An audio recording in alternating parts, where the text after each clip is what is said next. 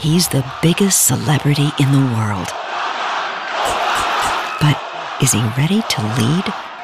With gas prices soaring, Barack Obama says no to offshore drilling and says he'll raise taxes on electricity.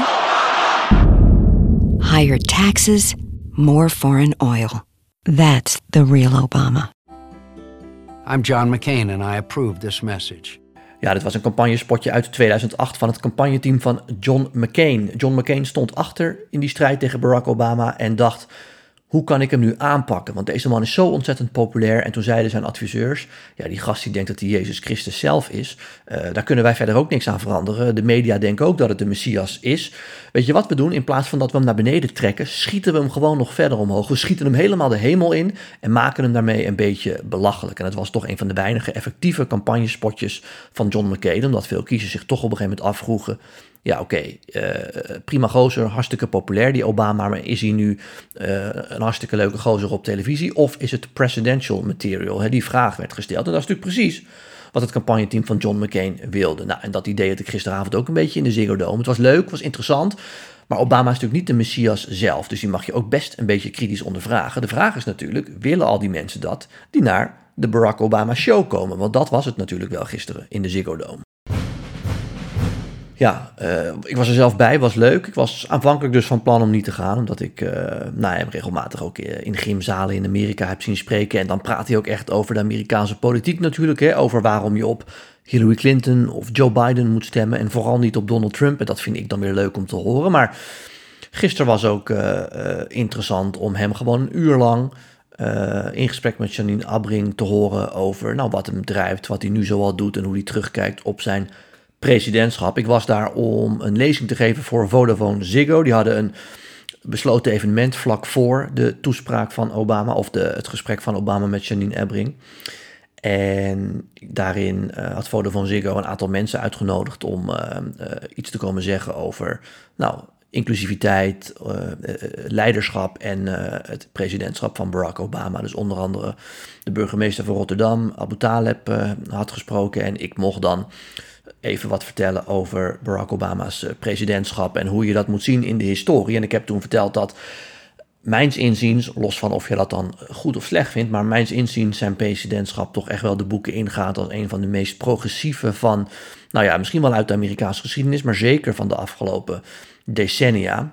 Als je de presidenten afgaat, Reagan, Bush, nou ja, Bill Clinton was dan een democraat, maar stond toch vooral bekend om uh, hè, de derde weg, zoals ook Wim Kok dat stond, Italiaanse premier Di Massimo, Britse premier Tony Blair, die combineerde uh, linkse ideeën over sociale vangnetten met rechtse ideeën over de economie en dat heette dan de derde weg. Dus dat was wel een democraat, maar niet ontzettend progressief. Uh, Bill Clinton was zelfs de democraat die zei: The era of big government is over. Hè? De tijd van de grote overheid is voorbij.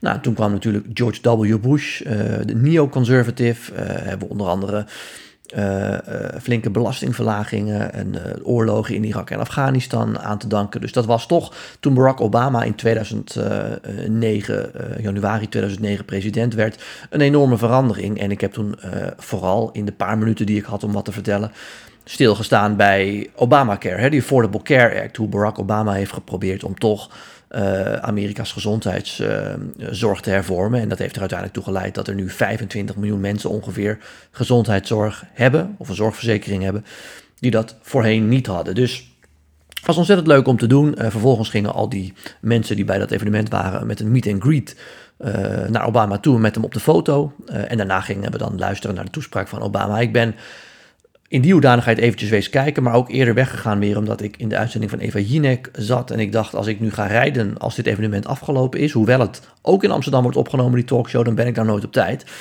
Dus ik heb bij Jinek uh, nog even verteld over hoe het die avond was. Uh, nou, uh, wat ik daar ook gezegd heb, volgens mij een leuke avond voor iedereen die denkt... ik wil hem toch eens een keer in levende lijven zien... en een keer wat langer aan het woord zien dan dat je normaal gesproken op de Nederlandse televisie ziet. Tegelijkertijd merkte je, dat heb ik ook gisteren bij Jinek gezegd, dat ja, uh, Janine Abring die kwam op en die zei: Ja, ik heb Barack Obama net uh, voor het eerst de hand geschud. En dan denk ik: Ja, dat wordt dan een hele uitdaging als je dan met hem een uur lang een soort show moet vullen. Want een kritisch interview is wat anders als een show waar mensen toch veel geld voor betaald hebben. Dus aan de ene kant deed ze dat goed, want ze ondervroeg hem een aantal keer kritisch. Uh, dat mag je ook verwachten uh, van zo iemand. Tegelijkertijd betalen mensen een kaartje om naar Barack Obama te luisteren. Dus om hem continu te onderbreken, ja, dat is lastig. Dus uh, ik weet niet of zij nou de meest geschikte persoon was om dit te doen. Ze bracht er niet veel sfeer in, moet ik zeggen. En dat had ik dan wel leuk gevonden op zo'n avond. Tegelijkertijd, nogmaals, Barack Obama is niet perfect. Het is niet de Messias zelf. Dus een paar kritische vragen stellen, daar is niks mis mee. Goed, dan eventjes wat Barack Obama daar natuurlijk deed. Uh, hij heeft eigenlijk uh, het model van Bill Clinton gekopieerd en verbeterd. En daar bedoel ik mee dat toen Bill Clinton uit het Witte Huis kwam in de jaren, uh, uit de jaren 90, hè, dus 2001 januari vertrok Bill Clinton uit het Witte Huis. Toen zat hij enorm in de schulden, had weinig geld. Uh, sterker nog, had miljoenen er doorheen gejast in die afgelopen jaren om allerlei dure advocaten te betalen, om al die vrouwen op afstand te houden of af te kopen, die met allerlei uh, seksuele escapades uh, tevoorschijn kwamen en die dan weer wilden verkopen aan allerlei bladen. Uh, dus, uh, en vergeet ook niet dat natuurlijk uh, geprobeerd is om Clinton af te zetten. Dus nou, die heeft ontzettend veel geld uitgegeven aan onder andere advocaatkosten. Had ook niet ontzettend veel geld toen hij het Witte Huis inkwam. Toen was het gewoon een gouverneur van Arkansas, daar word je geen miljonair mee. En toen hij daaruit kwam, toen dacht hij van, ja, hoe kan ik nu zo snel mogelijk heel veel geld verdienen? Nou, dat heeft hij ten eerste gedaan door een boek te schrijven, My Life, een van de meest uitgebreide, gedetailleerde biografieën die ik ooit van een Amerikaanse president heb gelezen. En in dat boek uh, uh, beschrijft hij zijn hele leven en ook zijn jaren in het Witte Huis. En daar kreeg hij een voorschot voor om dat te schrijven. Uh, van maar liefst 12 miljoen dollar. Ontzettend veel natuurlijk. En dan komen de uiteindelijke verkoopcijfers nog eens bij. Nou, vervolgens is hij het sprekerscircuit ingegaan. Daar heeft hij ontzettend veel geld mee opgehaald. Uh, een kwart miljoen per keer. Ik heb hem ooit een keer in Friesland bijvoorbeeld zien spreken. Toen kwam hij voor een zorgverzekeraar uh, aanzetten om over de zorg te praten. En ja, daar kreeg je ook een kwart miljoen voor. En dan komen alle beveiligingskosten en vliegtickets en zo nog eens bij voor die zorgverzekeraars. Dat is pittig bedrag. Maar goed, dan heb je ook wat. Heb je wel een van de beste sprekers ter wereld in huis. Geldt voor Barack Obama natuurlijk ook. En hij heeft gedacht, ja, ik moet mezelf ook nuttig maken. Dus hij heeft natuurlijk de Clinton Foundation opgericht. Hè? Een beetje uh, uh, het verlengstuk van de Clinton Global Initiative, waarin ze wereldwijd onderzoek doen en medicijngebruik in bijvoorbeeld Afrika en andere delen van de wereld willen vergroten. Doen ontzettend veel werk mee. Daar gaat ook het bulk van het geld naartoe wat de Clintons verdienen. Nou, Barack Obama heeft dat model dus eigenlijk gekopieerd. Alleen, ik zei het al, hij heeft dat ook verbeterd. Onder andere door bijvoorbeeld een podcastserie te maken en een miljoenendeal, hè, 100 miljoen eh, geloof ik wel, met Netflix eh, te sluiten. Ja, dat is natuurlijk andere tijden dan uh, toen Bill Clinton uit het Witte Huis vertrok. Nou, en wat betreft die spreekbeurten, ook Barack Obama staat wel eens voor een paar honderdduizend dollar bij banken bijvoorbeeld te spreken. Bij allerlei mensen die in pak, mannen in pak, blanke mannen in pak. Uh, tegelijkertijd heeft hij gezegd van ja, hoe kunnen we dat nou een beetje openbreken? En zodoende is daar zo'n stadiontour uitgekomen. En in die hoedanigheid stond hij nu dus ook in de Ziggo Dome. En daar moet ook eerlijk bij gezegd worden, want uiteindelijk gaat het ook om de BV Obama die moet draaien. Daar verdient hij ook nog eens veel meer mee. Een kleine miljoen eh, euro wordt wel genoemd. Dat is natuurlijk veel meer dan een gemiddelde uh, spreekbeurt van een paar ton. En ook bij Obama geldt eh, dat het meeste geld gaat naar de Barack Obama Foundation, de Obama Foundation, waarin Barack Obama zich dan op leiderschap uh, focust. Hoe kun je nou jonge mensen inspireren om ook uh, ja, nieuwe leiders van de toekomst te worden eigenlijk, en net als hem de politiek in te gaan of het verenigingsleven in te gaan, maar in ieder geval om de wereld te veranderen. En daar ging ook het gesprek uh, gisteren over. En wat dat betreft zijn Obama en Clinton wel een beetje de topatleten als je het in deze business bekijkt. Want uh, ja, president Bush die is daar heel anders mee omgegaan. Die heeft zich teruggetrokken in Texas. Heeft wel een aantal boeken uitgebracht. Uh, bijvoorbeeld een aantal boeken waarin hij ook uh, geschilderd heeft. Dat hij bijvoorbeeld portretten heeft gemaakt van veteranen. Um, veteranen die ernstig gewond zijn geraakt in de oorlog in Irak bijvoorbeeld. En nou, heel veel opbrengsten van dat boek gaan dan ook weer naar die veteranen toe. Maar verder leidt Bush een teruggetrokken bestaan en zie je hem vrij weinig in de media. Nou, voor Trump geldt helemaal natuurlijk het anders, omdat Trump niet met pensioen is, maar nog steeds president wil worden. Dus die heeft niet zo'n tour als Obama of bijvoorbeeld een stichting opgericht. Dus wat dat betreft uh, uh, is het maar de vraag of wat Obama doet, of dat nu een soort blauwdruk wordt voor nieuwe presidenten. Maar ik denk zeker dat het een blauwdruk wordt voor ex-presidenten die nou ja, nog in de 50 zijn en een heel leven nog voor zich hebben. Dan is toch de vraag hoe kan ik mij nuttig maken en hoe kan ik ontzettend veel geld gaan verdienen aan die jaren dat ik in het Witte Huis heb gezeten. Goed, tot zover. Dan even naar jullie vragen. Die hebben jullie weer massaal ingestuurd. Ik licht er een paar uit. Ja, Felix die vraagt: Hey Raymond, ehm, hoe staat het nu met de campagne van uh, Trump? Nou, Felix, dat is een brede vraag natuurlijk. Ja, uh, het korte antwoord erop is goed. Ehm, Trump staat er goed voor in de peilingen. Vanmorgen nog een peiling van CBS News. Ik zal hem eventjes meteen, want ik zit achter mijn computer voor mij, halen. Dan check ik even Twitter in, want daar heb ik ook opgeschreven wat die peiling was. Ik zie hem hier voor me. Donald Trump, 58% van de Republikeinen zegt ik stem op hem. Hij moet de Republikeinse kandidaat weer worden. Eh, en nog eens 20% zegt, nou ik zou nu niet op hem stemmen, maar het zou wel kunnen. Dus in totaal zit je dan toch op 78% die zegt uh, Trump moet het gaan doen. Ron DeSantis is teruggevallen naar 22%, maar nog eens 30%, dus in totaal meer dan 50% zegt ik zou wel op hem kunnen stemmen. Dus daarmee lijkt hij, ook al is hij teruggevallen in, gevallen in de peilingen, lijkt hij de enige die Trump zou kunnen verslaan.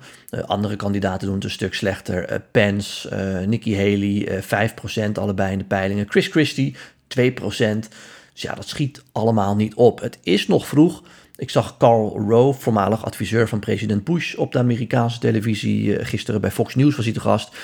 En die zei ook terecht van, ja, weet je, in uh, in 2004, op dit tijdstip, uh, uh, was Howard Dean de democratische presidentskandidaat, maar het werd John Kerry. En in 2008 zou het Hillary Clinton worden, maar het werd Barack Obama. En in 2012 zou het Newt Gingrich worden voor de Republikeinen, maar werd het Mitt Romney. En in 2016 bijvoorbeeld zou het Jeb Bush worden, maar werd het uiteindelijk Donald Trump. Dus het is nog veel te vroeg en dat is waar. Maar als jij vraagt hoe gaat het met de campagne van Trump, nou dan gaat het best goed.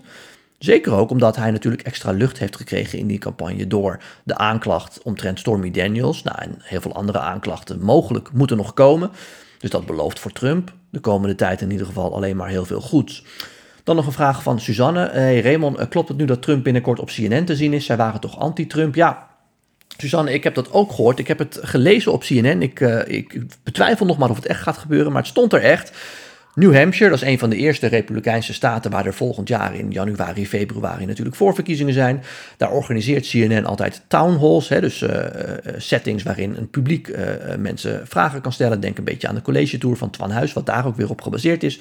En CNN heeft bekendgemaakt dat Trump binnenkort over een paar weken te gast is en dat ze daar een town hall gaan doen. Ja, het zal mij verbazen als Trump dat echt op CNN gaat doen. Tegelijkertijd is het voor Trump natuurlijk ook wel een mooie manier om een dikke middelvinger op te steken naar Fox News die toch een beetje bang zijn om, uh, uh, nou ja, die toch een beetje afstand nemen van Trump. Onder andere ook met het ontslag van Tucker Carlson. Die hebben natuurlijk het hele gedoe gehad met Dominion Voting Systems. En Trump denkt, denkt ik ga lekker naar de concurrentie. Uh, en tegelijkertijd als Trump daar in een hele vijandige omgeving komt met iedereen die hem natuurlijk van zijn stoelpoten af wil zagen, ja, is dat voor Trump ook alleen maar mooi meegenomen. Dat vinden zijn kiezers leuk om te zien. En jullie kennen mijn verhaal, daar heb ik ook uitgebreid over geschreven in mijn boek Nieuws als Wapen. CNN heeft Trump ook gewoon nodig. CNN heeft Trump ook gewoon nodig. CNN uh, draait om kijkcijfers zoals al die zenders doen. En Trump is in dat opzicht gewoon een noodzakelijk kwaad. Dus het zou me niks verbazen. Maar ik moet nog zien of het echt allemaal gaat lukken. Goed, dan een vraag nog van Tobias. Hey Raymond, uh, je was bij Barack Obama in de Ziggo Dome. Um, uh, wat was een beetje de reactie van het publiek daarna? Dat heb ik ook Tobias uh, verteld bij Eva Jinek. Je ziet wel dat in dat gesprek uh, mensen echt ademloos zitten te luisteren. Dat zag ik. Ik was dus eerder weggegaan om op tijd bij Eva te zijn. En uh, toen zag ik allerlei uh, bewakers, beveiligers van de Ziggo Dome, maar ook allerlei barpersoneel. Die waren allemaal naar voren gestapt uit, van achter hun bar vandaan, om massaal naar Barack Obama te luisteren. En het hele publiek was ook muisstil. Dus iedereen heeft denk ik een leuke avond gehad. Maar nogmaals, ik denk dat, dat heb ik ook bij Eva gezegd, uh, Janine die heeft hem kritisch ondervraagd, onderbrak hem ook een paar keer. Doet ze ook terecht, hè, want uh, Barack Obama is geen messias, die mag je best stevig ondervragen.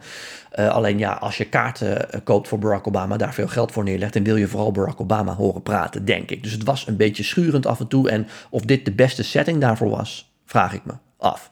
Goed, tot zover weer. Dank voor al jullie vragen.